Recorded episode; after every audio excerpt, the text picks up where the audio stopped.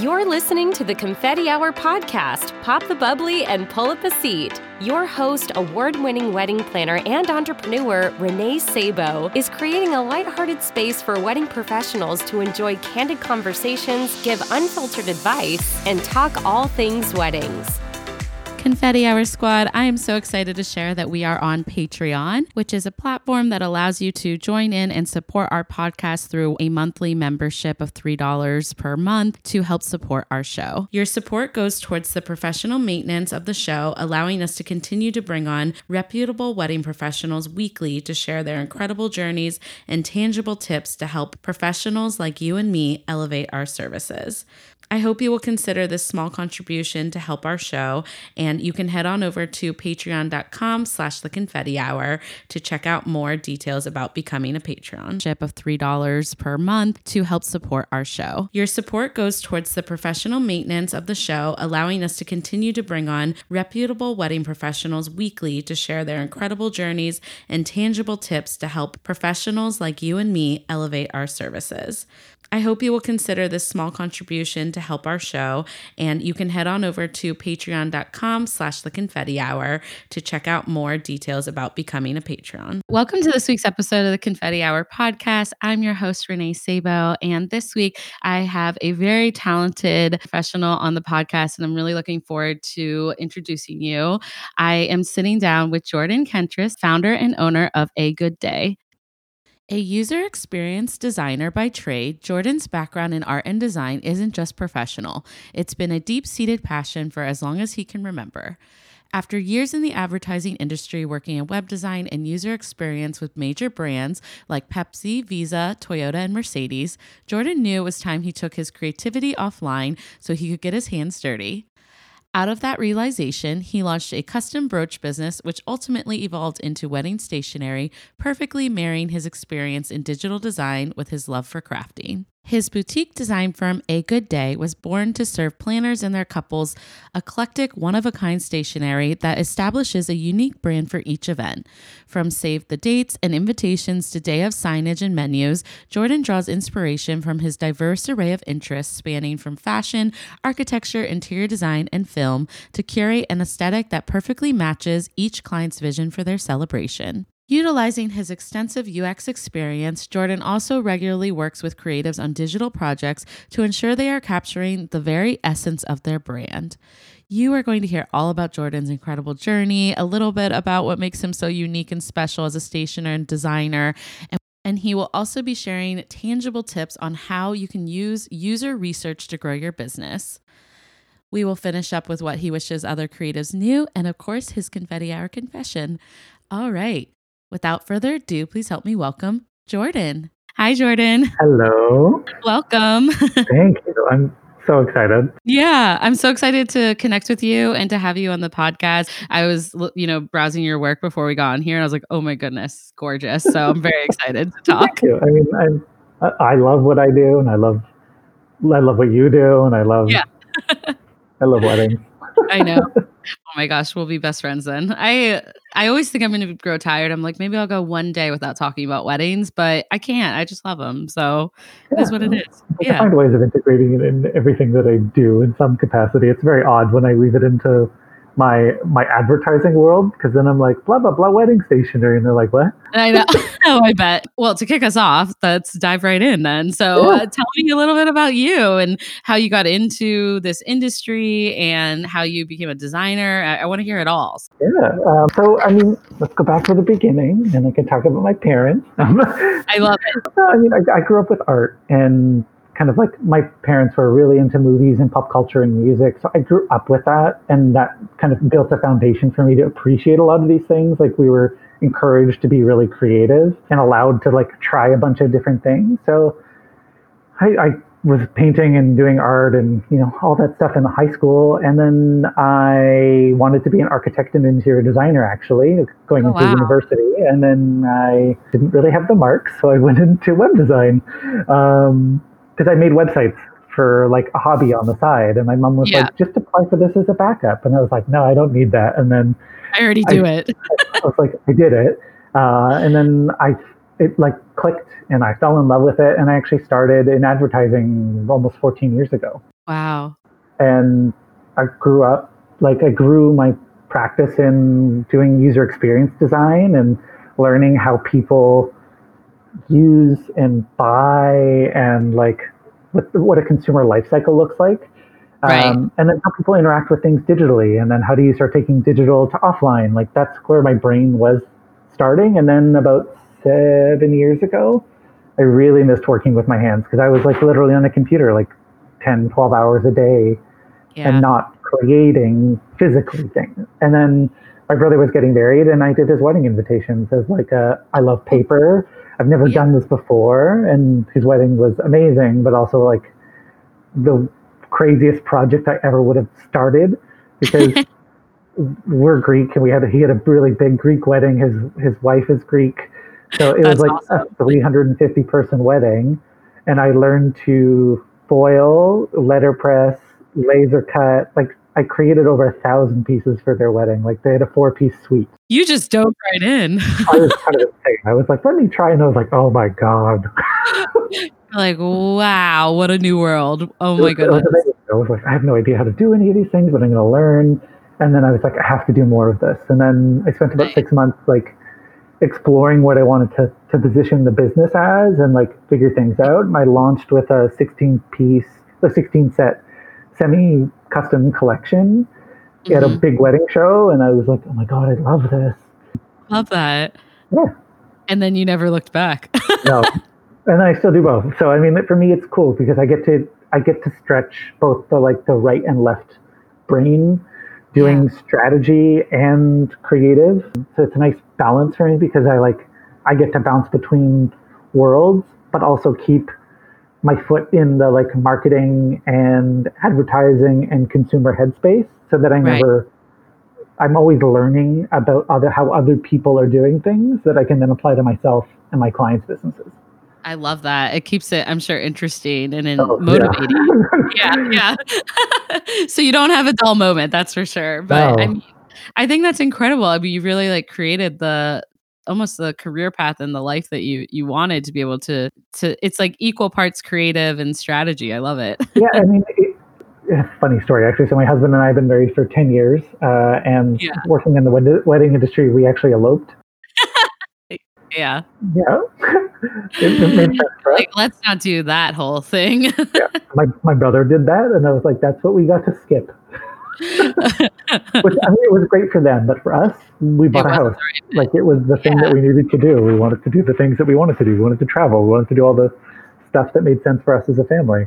yeah, for the longest time, I kept my two worlds separate. And last year, actually, the pandemic didn't force me, but I combined my kind of UX and and wedding work into one real like real business because I was like, it made sense. And through conversations with a lot of people, it was like, okay, there's a there's a really interesting space here, but Hmm. um, it's it's been actually it's been amazing doing that because for me it's been kind of freeing to have one singular voice that I can approach people with right. and have conversations about how we can work differently because a it helps set me apart but it allows me to have conversations that I don't think people realize you can have uh, Right. with, with a stationer and I'm doing air quotes here guys like what people view a paper goods vendor. I mean I like to work on the full like holistic journey. Like how do you what is Wow. the, what does the design experience look like? And i work with a lot of planners and designers to be like how do you what happens when they get their invitation then they go to their wedding website? And do they get something else in the mail to excite them? And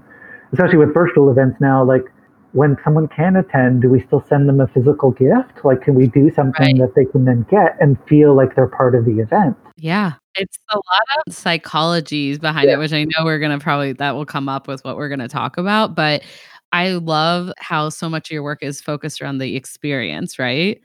And kind of setting the tone. Obviously, that's something we always hear with stationery, but Yeah. and design. But it, you really do have feelings with it. I mean, like even going through your branding or, or you know anything. I think people are attracted to the things that feel good and that you know they can resonate with the brand and that um, and then- and it's no different for events is how i feel you know Not at Like, all. Like I mean, every event is its own. Like I, I you know, you you. been It's an, a brand. It's an event. Like there's a event branding is a thing that's coming out now, and a lot of us are doing it in the way that we position them. But ultimately, it's a represent true. It's like it, to me, it's like one of the truest representations of the couple because it's all the things they love with people they love. And you get to showcase them in really unique, cool ways that they can then, you know, invite their guests into this world Absolutely. It's literally the biggest reason why I love what I do too because I get to work with creatives like yourself and we get to just dream. I mean like really the the possibilities are endless when it comes to custom design work and uh, you know, it's it's so funny how people feel so shy about doing it because they are afraid it's going to like you know cost them a million dollars but there's just so many no matter what budget point i think people are in there's always ways to kind of express yeah personality and and to like infuse, you know, oh, customizations, yeah. you know? So that's so cool. So, and then you also are now in the, you're in this education space, like you yeah. were saying. And how's that been for you? it's been a lot of fun. I mean, I, doing the, the research and the work that I do outside of weddings, it's nice to be able to wear the same hats and have yeah. conversations with other creatives about their businesses in a way that is kind of like all of us learn and we're boosting the whole industry. And to me, that is really exciting because, you know, there's a lot of stuff I, I feel people just aren't aware of. And, you know, you don't know what you don't know. And the more that we have these, yeah, the more that we have conversations about so many different things, it may not directly apply. Like, I mean, there's so many, so many pieces of research I've done for my clients that, like, I mean, I did some really cool work a little while back for VW talking about the customer car buying journey. Right. But that that research that we did about like we we, we did shop alongs to people in a dealership. Like what happens when they're talking to a car dealer? What happens when they're researching online? How do they research competitors? I started to take that stuff and apply it to the wedding world. And it's not a direct comparison, but it was like, how do you take a multi touch point experience of like I have conversations. I'm going to physically see a venue. I'm going to physically do a tasting. Like there's ways of building that kind of research in your work because that kind of multi-sensory touch is how a client experiences us as a vendor. Yeah.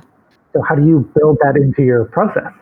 Yeah, absolutely. And I think people miss that. They're so focused on kind of giving that service and so it is so important these conversations are happening and um, that there's you know people like you eh, like willing to speak on it because i definitely think that very powerful. Do you know what i mean? To like have an understanding of how we got to where we are as like a business to consumer relationship and then also how it can be structured and and also like staying in tune with how where it's going to go because yeah especially in an industry like ours, trends are just like never ending, right? So yeah, I mean, it's how do you cut through some of those things to understand, you know, yeah.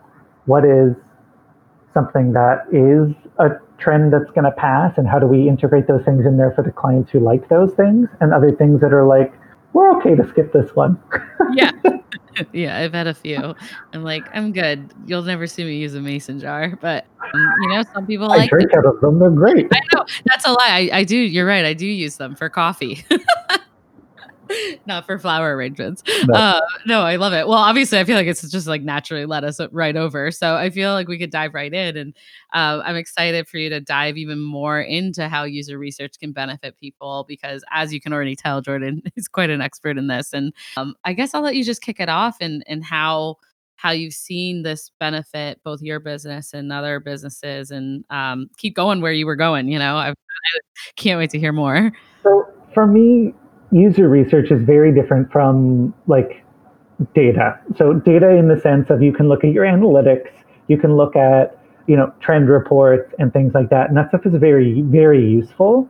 Right. But it is only very high level. You don't have any of the real world insights that you can do when you're talking to a client specifically, or a prospect, or a client who turned you down, uh, or a potential like a prospect who turned you down. There's opportunities in those conversations to to really find out what makes them you know what makes them a client of yours um, and renee you were kind of talking about like you know they like you like certain handbags so you know your clients like certain handbags like because you have a very similar design aesthetic and you can speak their language and attract them because you know them so kind of intimately in a way um, absolutely. but you do that because you had those conversations and you foster that relationship and you put that language out to your clients because you know that about them. So doing that research really kind of allows you know a, a creative to put themselves in their client's headspace. So you have to have those conversations and go like what drew you to me?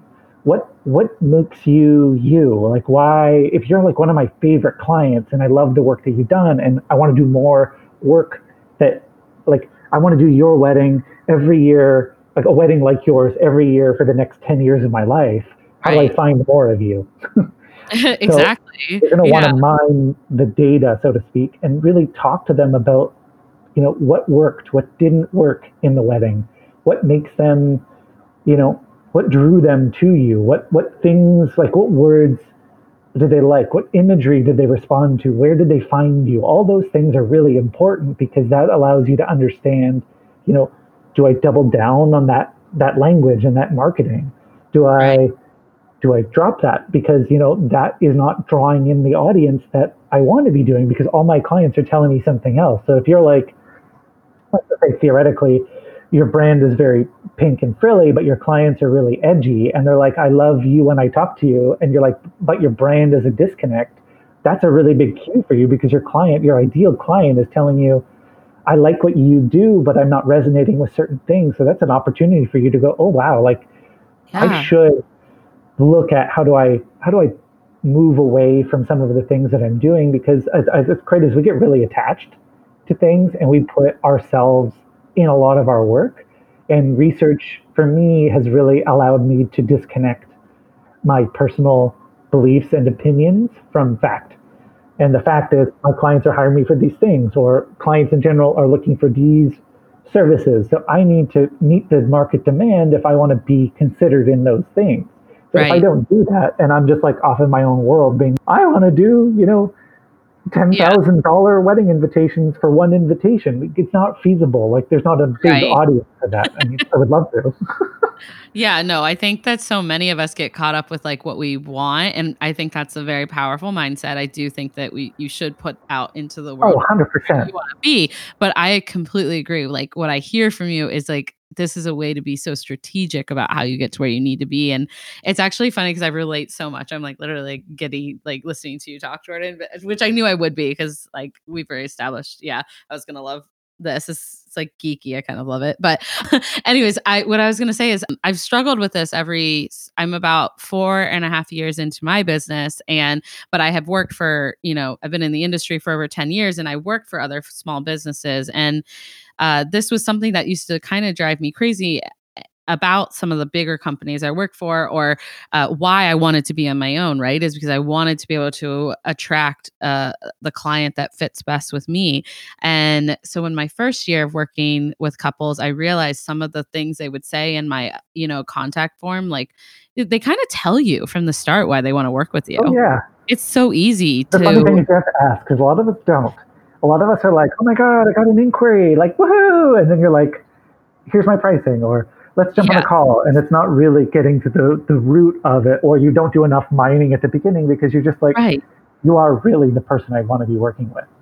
Um, exactly. It's like we don't need to complicate it. Just ask a question. You know what I mean? Well, it doesn't hurt. Like I mean, ultimately, if a client doesn't answer it or a prospect doesn't answer it, then you don't have the answer. But it doesn't hurt. They will likely, you yeah. know, and it will lead the conversation too. Is like you can both bond over that. So yes, and so people in my inquiry were saying that I was they were looking for a traditional wedding, and I think a lot of people that know me, I'm not really the most traditional planner. I, I definitely value certain traditions with a wedding. I think there's some things that will always be beautiful, and the way we evolve with them is really special as a family. I think that looks different for every family.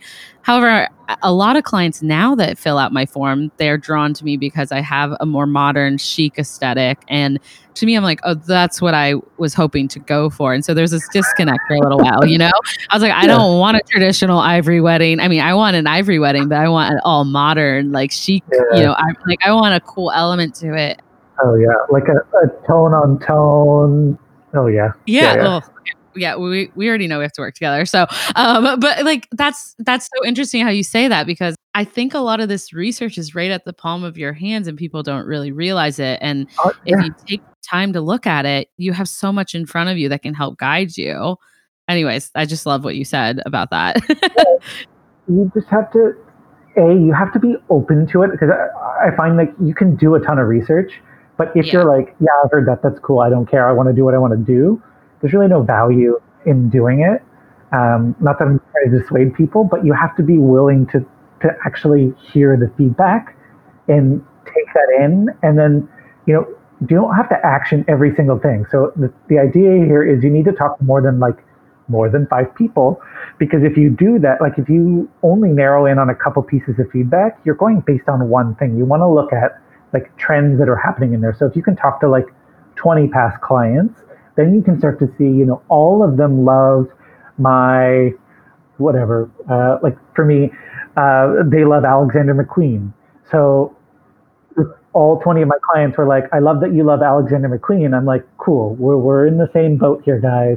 But if someone's like, you know, I like blue, I like red, I like pink, and you're like, I don't have enough ideas here to then get enough yeah. there, then you're really fractured and it can get really noisy really quickly. So you have to do a really good job at like trying to get to the root of things. You have to take a lot of of bias, and I've done a lot of work when I was managing a team um, in one of my past agency lives really you have to take a look at the data and start to find like themes in it and then you have to really distill it down to like the, the actual fact so you got to take the person's bias out of it because a lot of people when especially when they're giving feedback talk from an emotional place so you have to be able to take the emotion out of it and get to the root of it to be like i resonate with you because our aesthetics are very similar that isn't an emotional conversation that is you know your aesthetic and their aesthetic is lining up. So I can understand that. And that means I should be focusing on that aesthetic if that's the thing I want to keep putting out there.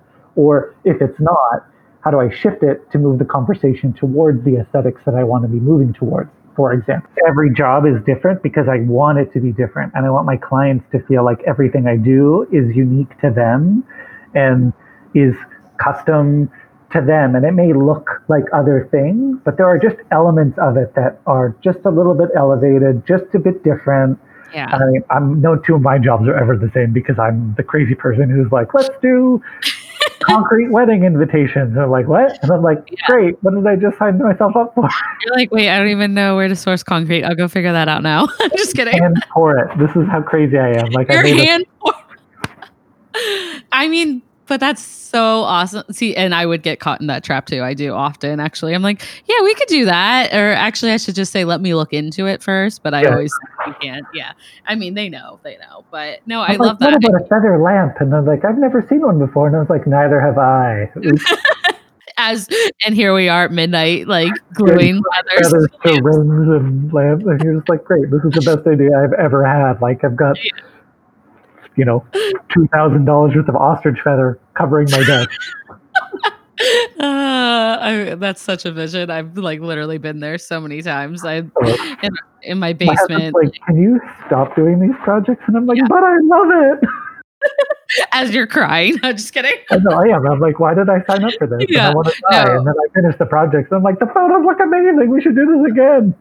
Oh, that's the problem. Oh, you'll laugh at this because I I got into like a couple years worth of like making escort boards. And at this oh, point yeah. I I try to lean on my designer. That's a whole other uh, story for another day, but there's so many different types of designers. So I really respect, you know, staying in my lane as a orchestrator of design yep. and then letting you know my design vendors like yourself do your thing because i've been in the basement at midnight the nights before our wedding trying to adhere acrylic to acrylic to oh. put like dried petals in between, which is like also a very oh, dangerous no. like project. Yeah. yeah, it looks really awesome though, and everyone loves the photos. And they're all like, "Where do I get this board?" I'm like, "It doesn't exist anywhere else now because I will never do it again." No, but I was proud I did it, but is that what I want to be doing? No, no. I let someone else figure out the crazy behind that. But yeah, for people that are listening, acrylic is another beast. So don't cut it yourself and don't try not ever get it laser cut I yep. use mounting blocks. I do like some really cool sandwiching stuff, but I'm like, mm, yeah. because it's translucent, you have to really be cautious of like what it's going to do. And fingerprints are the devil. Yeah, it was really fun. I get it. Yeah. So these are the things people don't see. um, no, ever. Like I had a project um, where that ballooned was amazing. Like one of my favorite projects I've ever worked on, but also like it took literally three months of my life. Uh, these wedding invitations were quoted out one way and took me 40 hours a piece to build. I didn't know that when we started, uh, but these are amazing. It's uh, it's a box wedding invitation, and there are 45 handmade paper flowers inside in a pop-up custom box. It sounds so it's incredible. A, it's amazing. Renee, I'll send you a photo. Okay, I can't wait. It's one of my favorite projects, but I'm also just like things you learn. Yeah. Like I won't do a project of that scope again without having certain parameters in place because I know how much time it takes and how much it actually costs and those kind of things. But again, that's that if we bring it back to the research side, that is real research. That's like tangible things because that's that's a physical part of what we do. It's like you have to try things out and figure it out and have a conversation with someone to be like, is this something I want to do? No, never again. we've been there, we've learned it, we're telling you. But no, I and I do think you're right. There is this balance with that. But I think this mindset of being like prepared as you go into something, I think is really nice. And wherever you can, I mean, like these are projects and and that's kind of the trial and error of our job. But your business shouldn't really be too big of a trial and error. It should be strategic. I mean, of course, there's always going to be trial and error in certain aspects yeah, of your business. you're not seeing my face going like, uh, yeah, no, don't do that.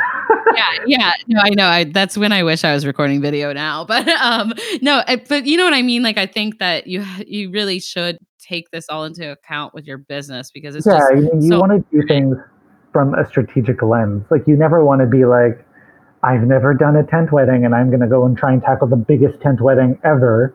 Yeah. It might be like, let's let's try it on a shoot. Let's try it on a small event. Let's try it here and see what the logistics are. If I've never done something of that scale, let's talk to a planner in my network that I can rely on that can give me some honest feedback about some watchouts or talk about it in one of our industry groups. Like, do the work to figure out what you need to do to put your best foot forward, but don't go in blindly praying it's going to work no, I think sometimes we let our egos get the best of us in this industry and I I hate when I see that because a part of me like loves the part of this job that is never ending, right? Like the challenges will never stop coming, the creativity will never stop and will always continue to evolve in in this type of industry. In any design related industry I think too. So it's so great. But like I think that the worst thing you could ever do is think that you're above help or above like, yeah. learning and process, you know? I, I, think a lot of us are actually afraid of having those conversations with other vendors because, you know, we're giving away trade secrets, we're, even though we're not, we like, like we're we're exposing our process and our potential clients there so then they know what kind of things we're working on like we're all very guarded i find sometimes and i, I love the communities that i'm in where i'm not and i don't have to be and i can be like i don't know how to do this and they're like, oh, 10 people are like, I've done this or I struggle with this. You're like, I'm not alone. Like those conversations are really worthwhile because it allows us to just move past that point of stuck. Yeah, definitely. and, then, and then we can just have the conversation we need to have and be like, okay, I don't know how to do this, or maybe this isn't the right thing for me, or that's actually something I really find fascinating and I want to do more of that. Right. I honestly came from that world as a planner. I came from the generation of planners where they didn't talk to each other and it was very like catty and competitive. And obviously, there is still some layers of that because we are artists here. We're creative artists. Um, we all have a little bit of egos, but uh, at the end of the day, it's gotten so much better with like community. And I'm so grateful for that because it was so scary starting my business and having no one to be able to relate to. And is a large reason why I wanted to start this podcast because I'm like, this is stupid. Like, we should all be talking. And yeah. like, you did not come up with, you know, uh, what a, like for planners, for instance, you didn't come up with day of coordination, partial or full service planning. Like, let's just be realistic here. Yeah. The, these things have been around for years and sharing each other's knowledge only helps grow the industry to be better. That being said though, sometimes it's hard for people like I feel personally like I've tackled a lot in my business. So sometimes I don't know really like when I should be looking for help. So right. I don't know when do you think people should kind of like I guess like know when they might want to ask for like extra help. I don't know how Um, if I worded that right. yeah, no, no. I mean, I, I usually like to look at seeing if other people have answered things that I'm thinking about before I ask. Because I'm my mentality has always been about observation, which is why I think the research side of my life makes a lot of sense because I'm like the person who sits in the corner. Like I remember in high school, I'd be like the quiet person who would just like let all his friends talk, and then like once they got all of it out, I'd be like able to take everything. And it's also the way that I work in design. Like I take everything in, and then then I come out with the synthesized version of all of that to then articulate. I'm not the kind of person who's like the first person in a room to be like, you should do it this way, and you should do it like I'm the person who's like, let's observe and observe and observe and let the conversations happen. And then I'm like, okay, I feel like I have enough of an idea, or I don't have enough of an answer here, or I don't know if I got what I was looking for. And then I'm like, okay, I'm I'm ready to do it. But that's just that's me. And there are some people who are just like the first thing they're going to do is ask a question, which is okay because that's how you work. You have to not be afraid to to work the way that you naturally work. In especially in our industry, there are, are so many outgoing people, and there's Yes, a very big introvert. I know. Um, I learn a lot from you, Jordan, because I think that it's beneficial to be able to take a step back and listen. So, but that doesn't come naturally to me. Yeah, I'm the opposite. I'm like I've had to put myself out there, and especially as in in the advertising world, and you know, becoming a manager and a director and managing teams, and any of us who manage teams, you have to become outgoing. But I only become outgoing when I need to be. Other than that, like, like if I go to a networking event, I'm the person in the corner who's like, "Do I know anyone?" Are you the um I had a I had a great guest on it's been like a year now, which is crazy, but uh my friend Jim Tomaso from a company called Rockstar Limo and he I had no idea about this and I I also would not have guessed that about you because you seem so outgoing to me talking and whatnot. But he's like, I'm an introvert extrovert. I I'm very much introvert, but I can turn it on when I need to. It's like, exhausting.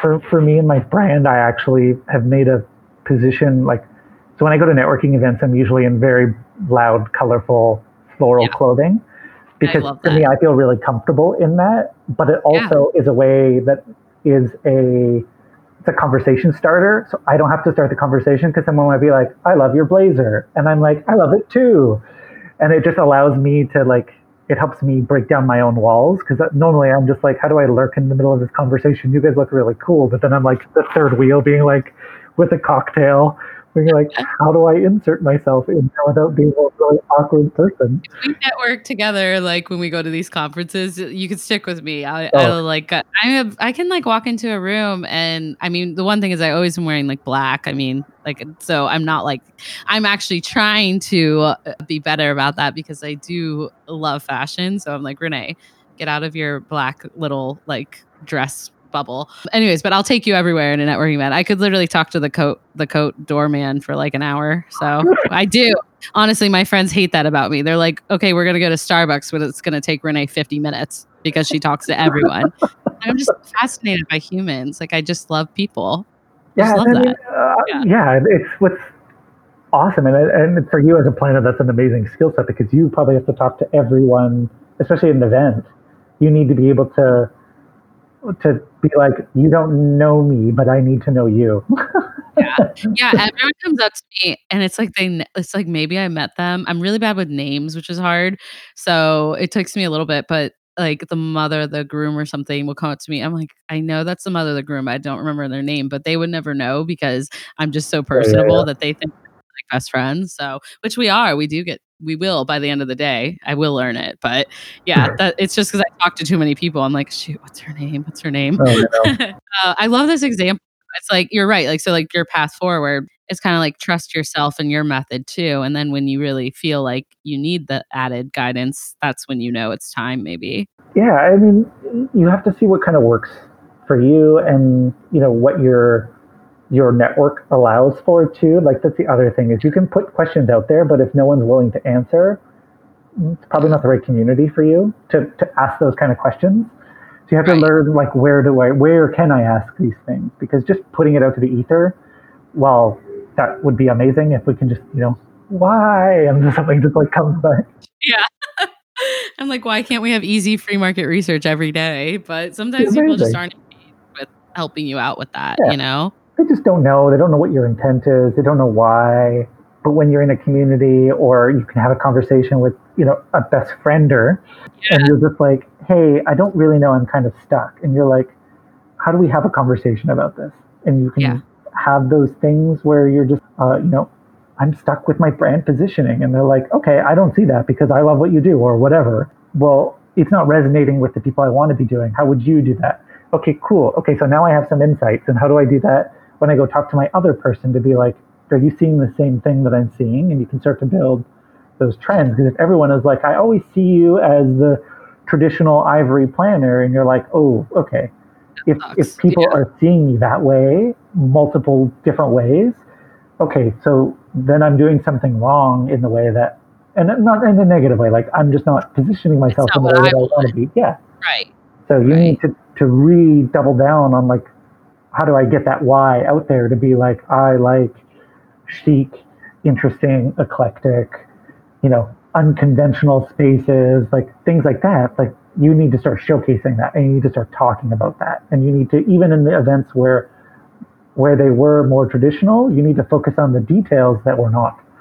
Um, to then shift the conversation. Yeah, shift the conversation. I love that. I think it's so important. And I mean, like I said, like with the, myself i resonate so much and i'm sure you've seen this so much with your own business and it's it's really actually pretty powerful how much we can do ourselves that people don't realize well i mean like there's there's a lot people creatives can do on the research side themselves i don't think a lot of us know how like i mean i didn't know how to do it at the beginning of my advertising yeah. career i didn't know to, you just don't know how to ask questions yeah. Um, you have to be really cautious of asking like you do not want to be asking leading questions. So in that sense you don't want to be asking a question you're going to get the answer you're looking for in. And that would be right.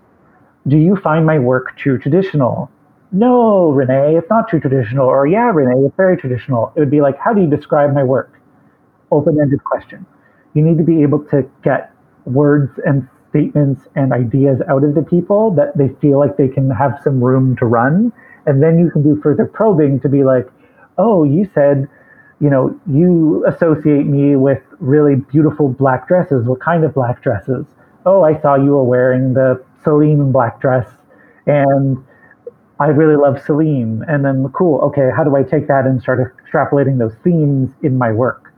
Um, or you're like, I like black dresses with details. Oh, I heard the word details. A lot of people know, notice that I like a lot of details. Okay, so details is an area I can focus on but you don't want to be like, do you find me very detail oriented? Because like, what kind of question is that? Like, yes. You're like already oh. giving them what you're looking for. Yeah. Oh, that's such a good point. I actually really love that because I do think a lot of people mindlessly or, or without, you know, realizing they're doing it, um, would ask the question that way, you know? You have to be able to remove your ego, especially as a creative. Like you have to remove your ego out of it because some of it's going to sting and some of it's not going to be what you want to hear but you have to come at it as this is something that's going to benefit you. And if you choose to ignore it and not take it in, that's your own choice. But you, you don't have to take all of it in. You're just asking someone's opinion. You're not saying, critique my business because I'm asking for you to tear it apart. Like that's one conversation. That's a totally different thing. But like you're you're also asking for that, so it's okay. But it's it's like you're not exposing yourself out there and doing that. You're you're genuinely asking to better yourself and better your business so that you can do the kind of work you want to be doing. So you have to kind of go into that mindset of I'm asking for feedback and I'm asking for these insights because it's going to help me be a better creator, a better business owner, a better wife, a better husband, a better ex, a better yeah. wife. Like you need to be able to open yourself up to that kind of vulnerability, so to speak, because if you don't, you know, you're going to live in your happy bubble of, you know, my work is amazing and awesome and oh, wonderful, super cool. But, you know, you're going to be doing the same thing every day for the rest of your life. Right. Or, and someone's, the industry is going to move on from that because we're always evolving. And if you're like, I only do X and I only want to do X forever, you have to be able to take X and slightly modify it to meet the meet the needs of the, the community. Like right now, I can't be like, I only do 250 person weddings. Good luck. Like you're Yeah. probably not going to have a wedding for a while. As a planner that mainly does large weddings, I'll tell you how painful that is. Um, and not, you're just like, okay, so how do I take that and do uh, an intimate version of a 250 person wedding? Exactly. And I think we've seen a lot of people pivoting, especially during this era. So it's been nice to see. And I don't know, though, everything you say, I, I'm just like nodding along because I just, I resonate again so much with it. And um, sometimes it's hard to get that feedback. But you, I think if you keep your business hat on and realize that it's not personal, you know, uh, in a lot of my board meetings, I'm a president of the Boston chapter here for ILEA. And one of my VPs he says Q-tip. So quit taking it personal. Like we put Oh, a yeah. Q-tip on people. It's it's really not personal. It's it's about how you're just getting research and or you're getting data and information on how people perceive you, and in turn to help you be able to steer the bike or steer the ship where you need it to go. And and that's really powerful to be able to to have like a non-biased just honest you know feedback from people and even if it's not what you want to hear it gives you so much like power to say oh that's not what i wanted to hear which means now it's time to change it so Yeah, you, You have know. the, you have the power. Like you, you know what you need to do when you get some of those things. Because you're like, let's say, you know, you know, you're you're terrible at responding to emails, and you hear that feedback a lot. Then you're like, okay, I might need to hire an assistant. I might need to have an autoresponder. I might need to do those things. But you don't know until you ask, because a lot of us are blindly assuming that everything we're doing is working. yeah. Or and, uh, i mean i'm also like always like maybe it's not working. I'm, i have the flip side Oh, like I'm 100% imposter syndrome, like all the time. I'm like, this new software came out i should probably do this. And my assistant's like no no we have something that works. Please don't change us. I'm like okay okay okay. Um but no i mean i think also the other thing with all this is that just that level of like pushing aside your you know ego but just being super like self-aware and this is another way that you can do that and it's I, mean i think it really does help people kind of like get the answers right that they need uh, without it being this really like overly intensive like i don't know deep dive into all the things that are wrong with you you know it really doesn't have yeah, complex. it's not, a- it's not a- it- hopefully the conversation doesn't get there. Yeah.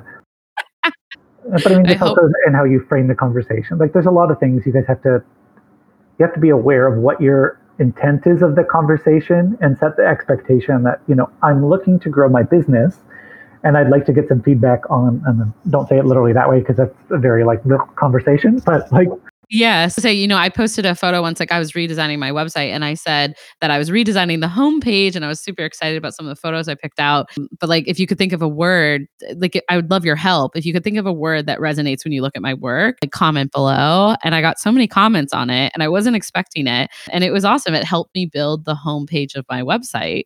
Like I posted the three photos I was considering putting on my website and they they just spoke to it. It was really cool. yeah, I mean, that's, that's research, guys. Like that, you're putting it out to your audience. Your audience is responding. It may be more than you thought, more less than you thought. It might be different, but actually I didn't know that they thought that, but I liked it. It was actually kind of exciting, you know? But I mean, that's something you can use. It doesn't have to apply to your homepage. If you're like, I got seven words that my audience resonates with, okay, so that's one way. And maybe when I'm doing an ad or when I'm integrating theme in social media for the month of February, I want to bring this word in there to then frame up a lot of the conversations I'm hoping to have. So you can really take little bits of things and weave them into multiple different spaces in the way that we market ourselves. It doesn't have to be a literal, even though I'm asking for website feedback or I'm asking for branding feedback, that can spill out into many different things. It can come out in your investment guide that you put out there so that when the couple's reading it or uh, you know another vendor, they're seeing words that they resonate with and then they're like this is the person I want to work with. This is this is the a notch in my like checklist in my mind because everyone has a checklist they're looking for when they're talking to people. Are you meeting the needs that I'm looking for? Because we're all needs based. Like we're all looking for something. Exactly. I mean, that's what brings us together, right? So I also really love what you were talking about earlier about like consumer patterns and uh, like our ideal clients are really not that hard to crack. Like the patterns are there. So it's it's really fascinating, I guess, like how all this can kind of feed into both uh, so many different facets of your business, right? Like targeting your ideal client, targeting the direction and the goals and the processes and how you work with them. I mean, it's really never ending. No, I mean, you can take these things and spill them out into like, if you're planning on doing wedding shows, is that the right show for you? Are you going to get the kind of clients you want there? And you have to look at it through the lens of your research and your target, like your your personas and your customer journey. And by that, like, what does the customer life cycle look like from before they book you to after their wedding? What are all the touch points that happen within there for that specific couple and multiple times over with all of your couples to say, you know, they knew they wanted a planner. Okay, so that's someone you want to be talking to because most wedding shows, they're not maybe looking for a planner or a, like a budget wedding show. They're looking to do it all themselves. So you being a, a high end planner might not make sense for you at, at, at, a budget. And I'm not saying in a negative way, like a, a more mass market wedding show, let's put it that way. Um, because you might get one or two clients of the thousands you talk to and the marketing material you hand out which is something that I learned. That's not my market because they're looking for very price conscious and they're looking for speed and they're looking for, you know, off the shelf. And for me, that was none of the things that resonate with me as a creative and me and the kind of work I wanted to do in my business. Yeah, they don't want to do concrete and feathers. And we want to do that. so. I'm like feathers all the time, feathers everywhere. Uh no that's such a really good example. And it, you're right there's no right or wrong. It's just like where do you want to be? What market do you want to be serving yeah. there's, and, there's so much trial and error and i think we have to not be afraid of it. You just have to be smart about it. I mean exactly. I mean i can actually dive into my yeah. horror story. It was more just like at the beginning of my business i way over invested in trying to find those things out. And I, I, I, didn't allow myself to actually i didn't practice what i preached so to speak in the sense that i was like i didn't know what was working because i was trying everything. And i was so hell-bent on getting out there that i spent you know tens of thousands of dollars a year trying to get my name out there and a lot of it didn't work and it wasn't the right kind of targeting and marketing for me because i didn't sit there and listen right. i didn't spend the time going, I loved working on Susie's wedding in 2017 because we got to do these things. And those photos are some of my favorite photos. And she has referred three clients to me who are my favorite. Like, those are the weddings I want to be doing. I didn't spend yeah. the time doing those things. And it's really important to do those things because I wouldn't have done 99% of the stuff I did if I sat down to just be like, what is working? What isn't working? and try one or two things rather than let's try 12 things at a time because you don't know what's really drawing you in. Because right. if you're everywhere, that's great, but you're also targeting so many different people because all of the different publications and all of the different magazines and all the different blogs, like all those things are very different consumers. That's why they exist because their goal is to target a very specific kind of consumer. There's crossover I know what you mean, though. It's yeah, that's a good confession, actually. Me Pretty is not a ruffled, even though they're very similar. They have slightly different aesthetics. The consumers are slightly different. So talking to those two audiences at the same time, you don't know who you're targeting. Right. it's it's been a journey for me too actually so I, I, will join you in your confession or what you wish creatives knew i don't know which one it could yeah i was like i feel like it I applies mean, to both don't really talk about it like i mean exactly. i was in a lot of debt for a long time and i've done a lot of work to get out of that because yeah. like in the business i mean it's okay in life but this is like i know i know for me both i'm an impulse buyer and sometimes oh. i'm like to be strategic you know yeah, so i have a whole I have a whole IKEA PAX wardrobe full of paper, so don't tell me what I'll. no worries. It's probably similar to my styling boards and all the stuff that I oh, have yeah. back here. I did not necessarily need, but it was like the new hottest thing that I had to oh, have. Oh, I need so. it. I need it. I like have a roll yeah. of Italian leather that I'm like, one day I will need this project. and like, I truly am not the right friend to tell you that you wouldn't. Like, I would say, I oh, think no, that's I'm a great. I'm, a, I'm the worst enabler for another creative who's like, should I? And I was like, buy three and get me one yes, I'm right there with you. Uh, oh, but anyways, you were saying, I feel bad. I like cut you no, off. No, no, no. But I mean, like, I, I don't think a lot of us really open ourselves up to have those conversations of just, you know, it, I didn't get it right. I wasn't always, I wasn't always profitable. I wasn't always smart in my decisions, and I'm still not always smart. But like, I mean, be okay with that. For me, it's it's been about accepting it, but also being really conscious of this sounds like it might be the right fit for me, and it might not be the right fit, but I know and I won't do it again. Right. But a lot of things, I'm like, mm, I'm going to stay away from that whole territory of, of advertising because it's never brought me in a lot of work. And as much as you say it will, that's your job to tell me that. Yes. And so much of this is obviously glaring me in the face with marketing, especially those websites. You know, I don't even mind saying things at this point, but I get constant calls. I'm sure all of us do from like the wedding wire and the knot.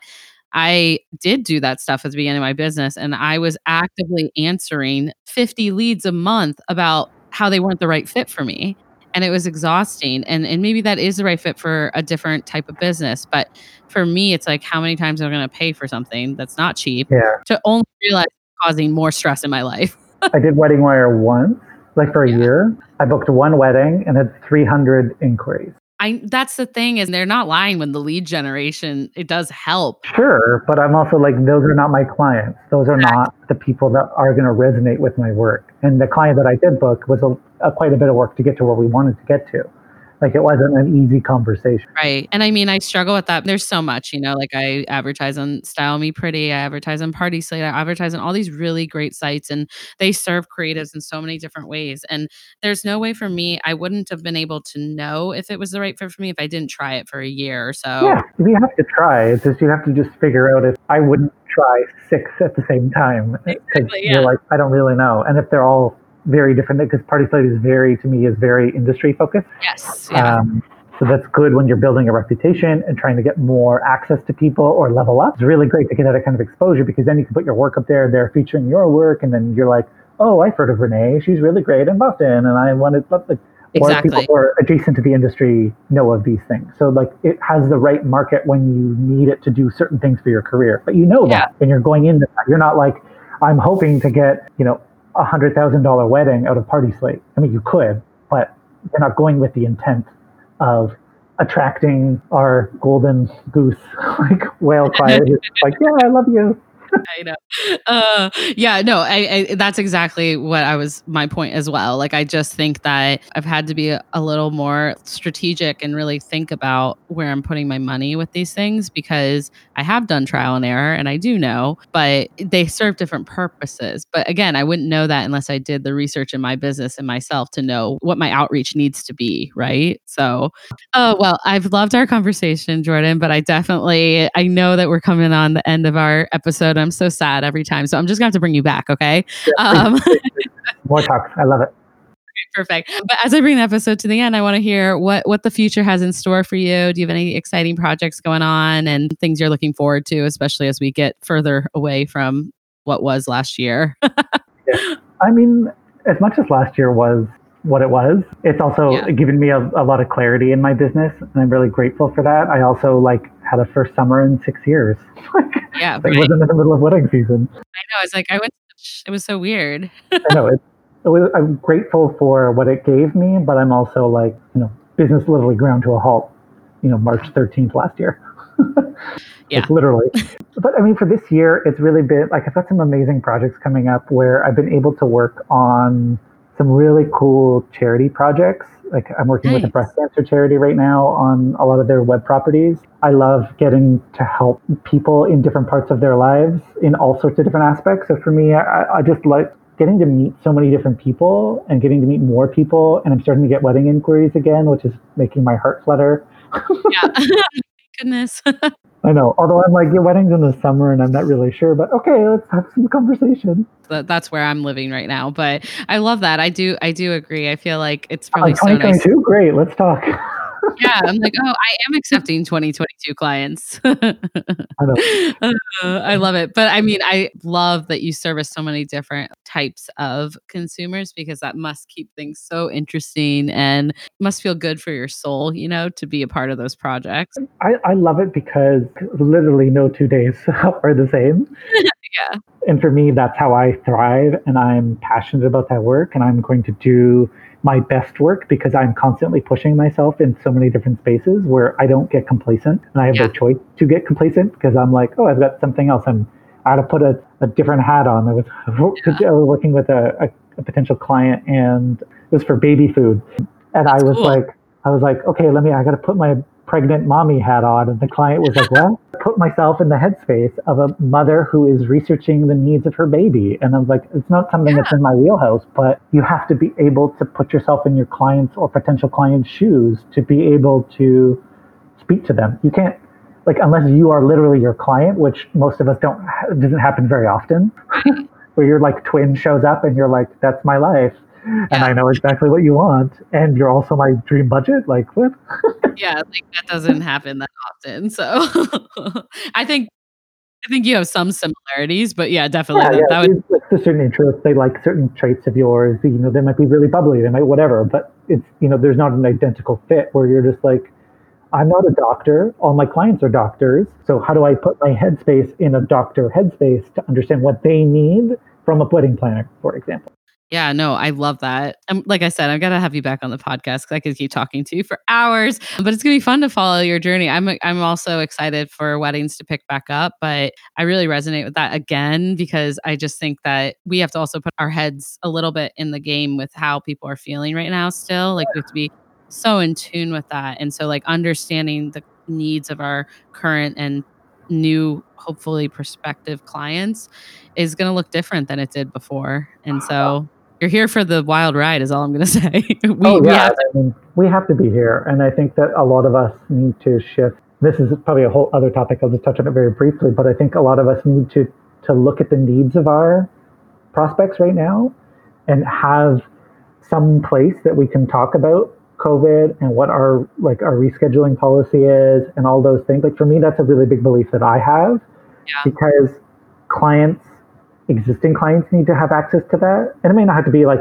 a, publicly on your homepage Right. if you don't feel comfortable with it, but it should be in a place that's accessible somewhere or somewhere that a client knows they can have a conversation with you about it really quickly because it's the top of their mind, especially if they've been hearing a lot about rescheduling. And if that's going to be a deterrent for them or they just need to know, and if that can be a, a, a thing that they need to check off their list, get it checked off their list fast so that they're like, Renee has everything covered. If anything happens, I know that she's going to do these things. I know if there's going to be a fee. I know if there's not going to be a fee.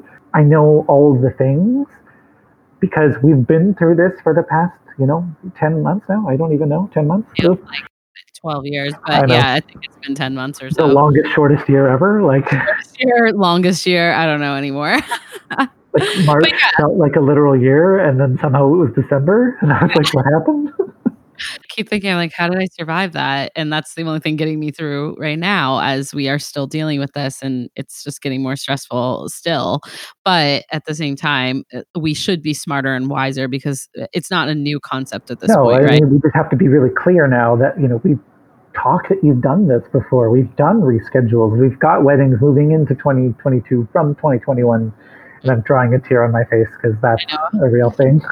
True. Yeah, no, it is. It is. It is. And and how are you going to approach these conversations? And Yeah. and that's all I think our clients want from us too. I think that they know we're still navigating this, but to be proactive, right? Yeah, be proactive, be human. Know that they have questions, you have questions, you have needs, they have needs. Don't be afraid of having those conversations because when we're all like, I can't tell my client they're going to have to pay a little bit more money because I'm afraid they're going to, you know, I'm going to hurt their feelings or they're going to be upset or whatever.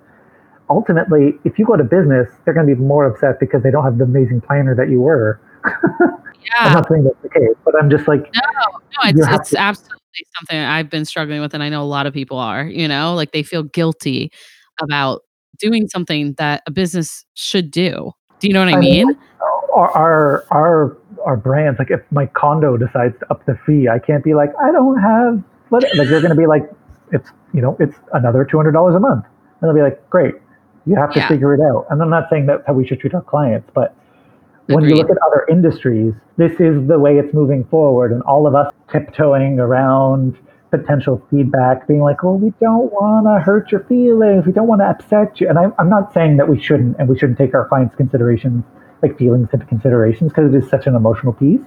But we as business owners need to be in our best foot forward as a business because if we're not there as a business we can't Yeah. take on those clients or new clients and can't do the things that we love because we're not going to be around to be able to do it Absolutely. And I think that navigating this, you're right. This is going to be a whole nother topic. So now I'm bringing Jordan back for this, but I think I'll, oh, well, we'll end on this, right? Uh, what I've been trying to explain to my clients and other professionals that ask for advice on this is that say really allowing your clients to understand your value and why you have to impose those you know upcharges or stick to your contract or your fee.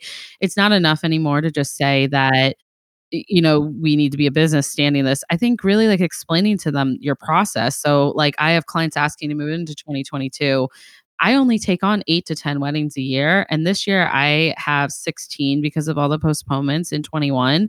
And eh, I can't allow that to continue into 2022 when some of these have postponed. And and it's been hard to have those conversations. But at the end of the day, my clients care about me as a person too. And and I said I have large concerns allowing this to continue into 22. Yeah. At this point, you would need to invest in a 2022 rate with me so that I can give you the attention that you grew to love about working with me, you know? What, what your event deserves. Like it's an yeah. honest conversation of like, exactly. if I'm overstretched, I'm not going to be the person that I want to be, and you're not going to get the level of service that you are assuming and paid for at the yeah. beginning. Um, and I um, and I never at the beginning of the pandemic got that far into my services with them. I think we were all in shock. But at this point, th- there needs to be these raw conversations because, and and just them understanding why this is happening for the industry i mean none of them have ever pushed back on it because they they understand now you know they're like yeah, yeah. they're choosing to move to 22 because we don't want a covid wedding and that means we're going to have to bring these businesses that we love with us and we're all imposing you know yeah. losses here so yeah anyways I'll end on this. Do you have any closing words for your Confetti Hour interview? No, I mean, honestly, I love chatting with you and I cannot wait to kill it on some weddings. yes, let's do it. I can't wait to bring you back on here too and stay connected. Where yeah. can everyone find you um, online and, and all that jazz? Yeah, so they can visit us on our website, a gooddayinc.com, uh, and on Facebook and Instagram, a good day inc. Uh, and Instagram is kind of like my preferred. But yeah, I look forward to meeting everyone, chatting. If you have any questions about UX stuff, I'm more than happy to answer. I'm an open book. Nice. Thank you so much for all your advice in this conversation. It was so fun interviewing yeah, you. I loved it. And that concludes this week's episode of the Confetti Hour podcast. I hope you guys loved getting to know Jordan and was able to take away some really helpful tips about how you can use user research to grow your business. I don't know about you guys, but I've already thought of a million new things since talking with Jordan on how I can kind of pull people and just get some really great insight for my business and what my clientele is looking for. If you're new here listening to the Confetti Hour, I want to ask you to please subscribe so you can stay tuned for future episodes. And if you're a longtime listener and a supporter of our show, please consider taking a few moments to leave us a review on Apple Podcasts. That would mean the world to me, and it certainly helps us as we continue to grow the confetti hour. Do you know a fellow wedding pro who might love our podcast? Screenshot this episode, tag a friend, tag us at the confetti hour on Instagram or the confetti hour podcast on Facebook. All right, guys, that's it for this week. I hope you're having a wonderful week and I look forward to chatting with you next Thursday.